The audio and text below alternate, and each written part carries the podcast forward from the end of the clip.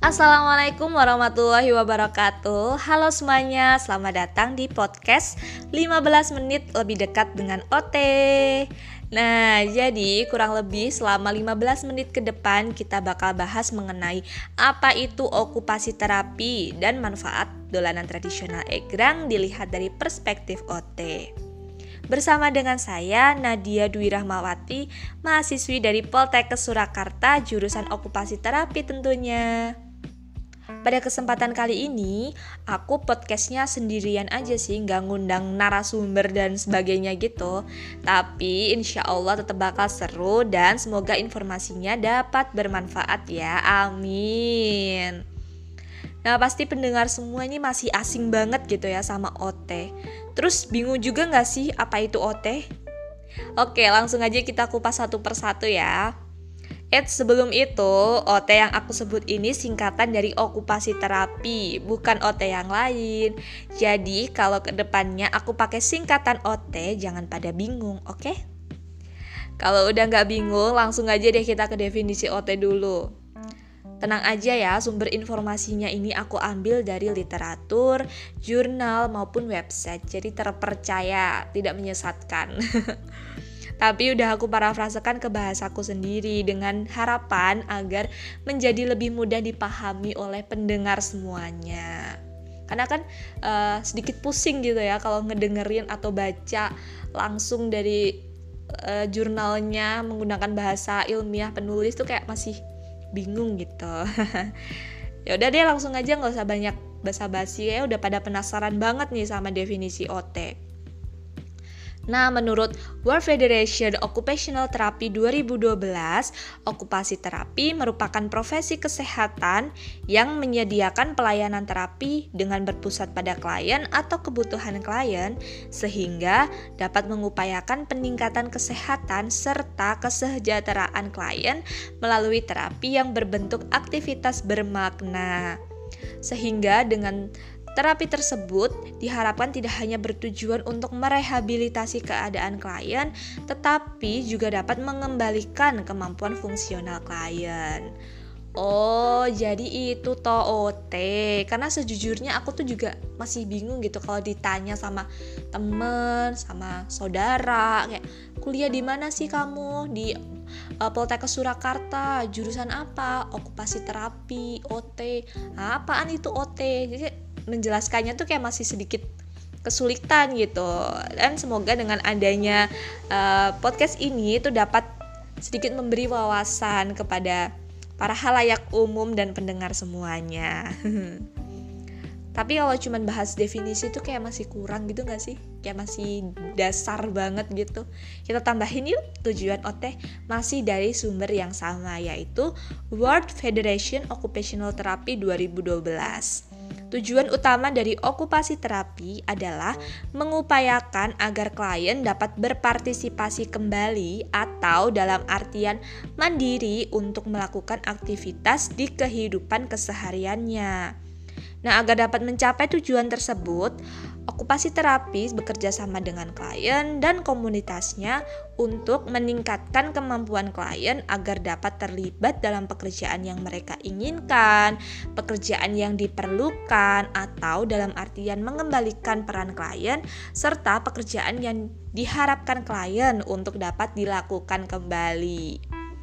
Selain itu, okupasi terapis juga dapat memodifikasi pekerjaan klien, memodifikasi lingkungan klien agar aktivitas atau pekerjaan menjadi lebih mudah dilakukan secara mandiri, sehingga lebih mendukung keterlibatan klien dalam pekerjaan mereka. Nah, jadi OT ini akan misalnya melakukan analisis aktivitas dan analisis lingkungan pada klien dengan disabilitas menggunakan kursi roda yang menggunakan kursi roda nih. Analisis lingkungan fisik yang dapat dilakukan oleh OT itu kayak seperti memperhatikan aksesibilitas pintu di rumah klien, apakah luasnya itu cukup gitu untuk dilalui kursi roda. Terus uh, juga memperhatikan lantai di rumah klien itu apakah licin ketika dilalui kursi roda agar tidak membahayakan klien dan mempermudah klien untuk uh, terlibat dalam aktivitas kesehariannya. Jadi klien eh, nggak uh, harus butuh bantuan orang lain untuk mendorong kursi rodanya. klien bisa berpindah dari kamar ke kamar mandi atau dari kamar ke dapur dengan sendiri. Ya, dengan catatan tadi, aksesibilitas pintunya sudah sesuai, lantai di rumah juga tidak terlalu licin, dan masih banyak lagi yang dapat dilakukan oleh okupasi terapi. Nah, itu tadi kan udah bahas tentang uh, definisi, terus tujuan utama dari OT juga kan. Terus ini kayaknya pertanyaan dari sejuta umat gitu. Pasti banyak banget yang penasaran. OT itu dapat bekerja pada kondisi atau pada area apa aja sih? Nah, menurut website AOTA, yang pertama OT itu dapat menangani pada area anak atau pediatri dengan kondisi antara lain hyperactivity, autism, learning disability, disleksia, anak dengan gangguan neurologis, dan anak dengan gangguan keterlambatan perkembangan lainnya. Gak cuma itu aja, OT juga dapat bekerja pada neurorehabilitation, di mana menangani kondisi seperti stroke, cedera otak, kelemahan sistem saraf, dan sebagainya. OT juga dapat menangani efek yang ditimbulkan dari penyakit-penyakit tersebut, baik dari efek fisik, efek intelektual, efek mental, maupun emosional klien.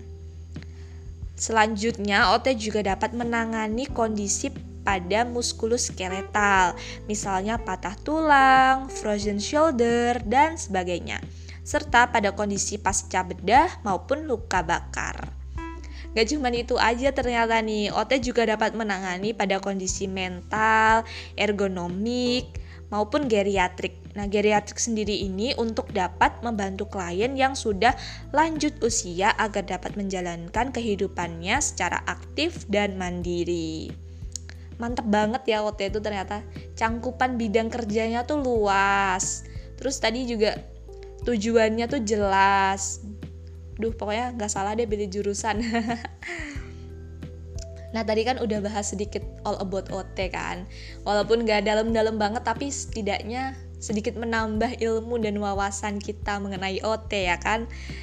Oke deh langsung aja. Sekarang aku mau bahas tentang manfaat dari bermain ya kan Tadi uh, judulnya kan permainan tradisional egrang dilihat dari perspektif OT. Jadi kita bahas dulu nih apa sih manfaat dari aktivitas bermain dari perspektif OT. Bermain merupakan aktivitas yang penting dan dapat mempengaruhi kehidupan anak. Dengan bermain, anak-anak dapat memahami dunia di sekitar mereka. Bermain juga dapat mengembangkan koordinasi fisik, kematangan emosi, keterampilan sosial karena kan e, anak itu akan berinteraksi dengan anak lain dengan teman-temannya. Jadi kemampuan interaksi sosialnya atau keterampilannya itu bakal meningkat gitu. Beda dengan anak yang hanya di rumah mainnya tuh gadget itu pasti uh, kemampuan interaksi sosialnya tuh kurang gitu serta bermain juga dapat meningkatkan kepercayaan diri klien atau anak untuk mencoba pengalaman baru di lingkungannya. Jadi aku tuh nggak salah deh dulu tuh masih kecil aku sering main gitu di luar. Ternyata banyak banget ya manfaat dari bermain di luar itu. Gak cuman uh, apa tuh namanya meningkatkan interaksi sosial tapi juga meningkatkan kepercayaan diri terus kematangan emosi koordinasi fisik aduh banyak banget deh manfaatnya jadi rugi deh kalau anak zaman sekarang tuh cuman rebahan mainan HP ngegame itu rugi mending main yuk keluar nah terus kan kita tadi uh, bahas OT ya. Kita bahas apa sih yang bisa dilakukan OT pada aktivitas bermain ini.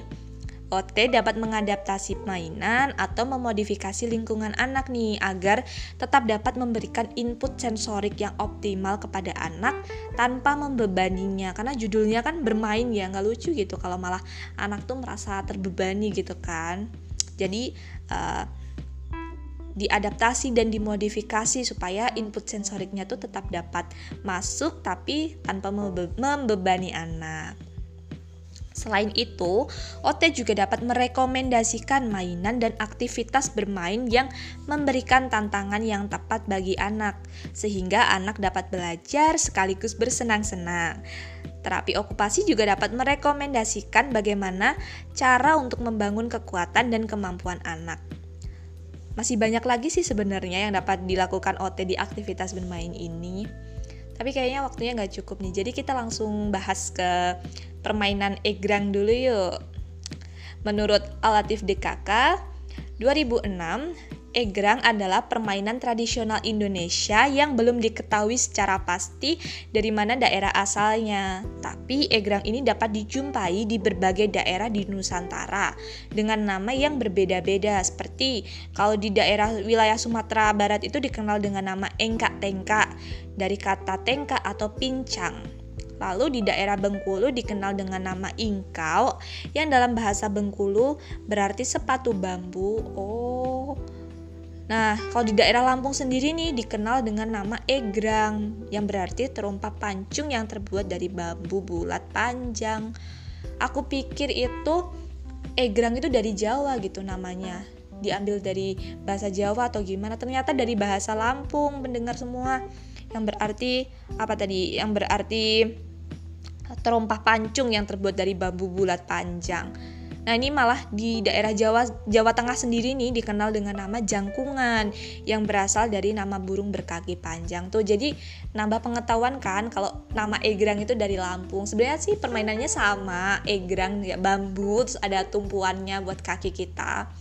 Tapi bahasanya ternyata beda-beda deh. Di Jawa tadi jangkungan, di Lampung egrang, terus di Sumatera apa tadi engkak-tengkak, di Bengkulu uh, ingkau. Wow, beragam banget ya ternyata. Terus cara bermain egrang sendiri ini membutuhkan keseimbangan tubuh karena pemain ini kan akan berjalan atau bergerak di atas tumpuan bambu. Iya, jadi egrang itu kan uh, satu batang bambu gitu ya. Dua sama kaki kanan dan kiri itu jadi dua batang bambu gitu. Terus di bagian agak bawahnya tuh ada tumpuan buat kaki kita. Jadi kita tuh naik ke situ terus tangan kita tuh pegang. Jadi bener-bener keseimbangan kita tuh dari tangan kita gitu. Kekuatan tangan kita tuh harus baik gitu buat menyangga tubuh kita sendiri seperti itu. Terus juga kemampuan kaki buat menumpu dengan benar itu juga dibutuhkan sih di permainan egrang ini. Nah menurut uh, penelitian yang dilakukan oleh Gali dan kawan-kawan yaitu permainan egrang bermanfaat untuk meningkatkan dan mengontrol kemampuan motorik anak. Selain itu, permainan egrang juga dapat meningkatkan kekuatan otot tungkai, kekuatan otot kaki, kekuatan otot abdomen, dan kekuatan otot lengan, serta kekuatan otot tangan. Dengan meningkatnya kekuatan otot tersebut dapat meningkatkan keseimbangan dan kelenturan tubuh. Wow, banyak banget manfaat dari egrang ya ternyata. Terus juga nih, berdasarkan penelitiannya yang dilakukan untuk mengetahui analisis gerak pada permainan tradisional egrang, didapati hasil bahwa dalam permainan egrang itu akan melibatkan otot tungkai kaki, kemudian uh, otot tangan untuk berperan aktif dalam memainkan permainan egrang. Otot tangan yang berperan aktif itu antara lain kelompok otot flexor carpi, kelompok otot extensor digitorum, kelompok otot extensor carpi dan kelompok otot flexor digitorum. Di mana akan berguna dalam uh, kita tuh ketika memegang atau mencengkram batang egrangnya. Lalu otot bisep brachii sendiri nih yang terletak di lengan atas nih berperan aktif saat kita mengangkat egrangnya. Karena kan kalau egrangnya tuh jalan tuh harus diangkat pakai tangan kita, makanya harus kuat nih otot bisepnya. Ternyata dapat meningkatkan kekuatan otot bisep brachii. Mantap sekali ya egrang nih. Nah, selanjutnya untuk dapat melangkah kan uh, membutuhkan kekuatan otot tungkai kaki. Nah, otot yang berperan aktif itu seperti otot tendon Achilles, pronaus longus, dan extensor digitorum longus. Dari analisis gerak pada permainan egrang tersebut dapat disimpulkan bahwa permainan egrang memiliki manfaat dalam menstimulasi motorik kasar anak. Duh, bagus banget ya ternyata manfaatnya. Jadi berguna banget nih buat eh, anak-anak uh, yang masih pada masa pertumbuhan kayak anak SD maupun SMP kayak gitu-gitu. Karena memiliki manfaat untuk menstimulasi motorik kasar anak. Terus berdasarkan penelitian yang dilakukan oleh Setia Komalasari 2014 dapat disimpulkan bahwa kegiatan permainan tradisional egrang itu dapat mengurangi perilaku hiperaktif pada anak autis khususnya untuk meningkatkan ketahanan duduk anak yang sulit duduk tenang ketika belajar di kelas. Wow ternyata sangat bermanfaat banget ya dolanan tradisional ini makanya kita harus melestarikan dolanan tradisional karena sayang banget gitu manfaatnya banyak. Terus punah itu kayak aduh gratis lagi kan nggak usah bayar nggak usah pergi ke tempat trampolin pakai egrang aja nih kelenturan tubuh udah ditingkatkan terus keseimbangan juga bisa distimulasi. Aduh banyak banget deh manfaatnya. Jadi kalian semua uh, generasi bangsa, anak-anak muda nih, ayo dong kita bergerak agar dapat meningkatkan kekuatan fisik dan lain sebagainya. Nah, aku rasa cukup sekian dulu kali ya podcast 15 menit lebih dekat dengan OT ini. Selain kita tadi dapat tambahan ilmu mengenai OT, juga dapat tambahan ilmu mengenai uh, permainan egrang yang ternyata banyak banget manfaatnya, murah, terus banyak manfaatnya aduh please ayo dong kita coba bermain egrang udah kalau gitu uh, cukup sekian podcast dari saya saya pamit undur diri. Terima kasih sudah mau menyimak dan mendengarkan podcast ini sampai selesai. Wassalamualaikum warahmatullahi wabarakatuh.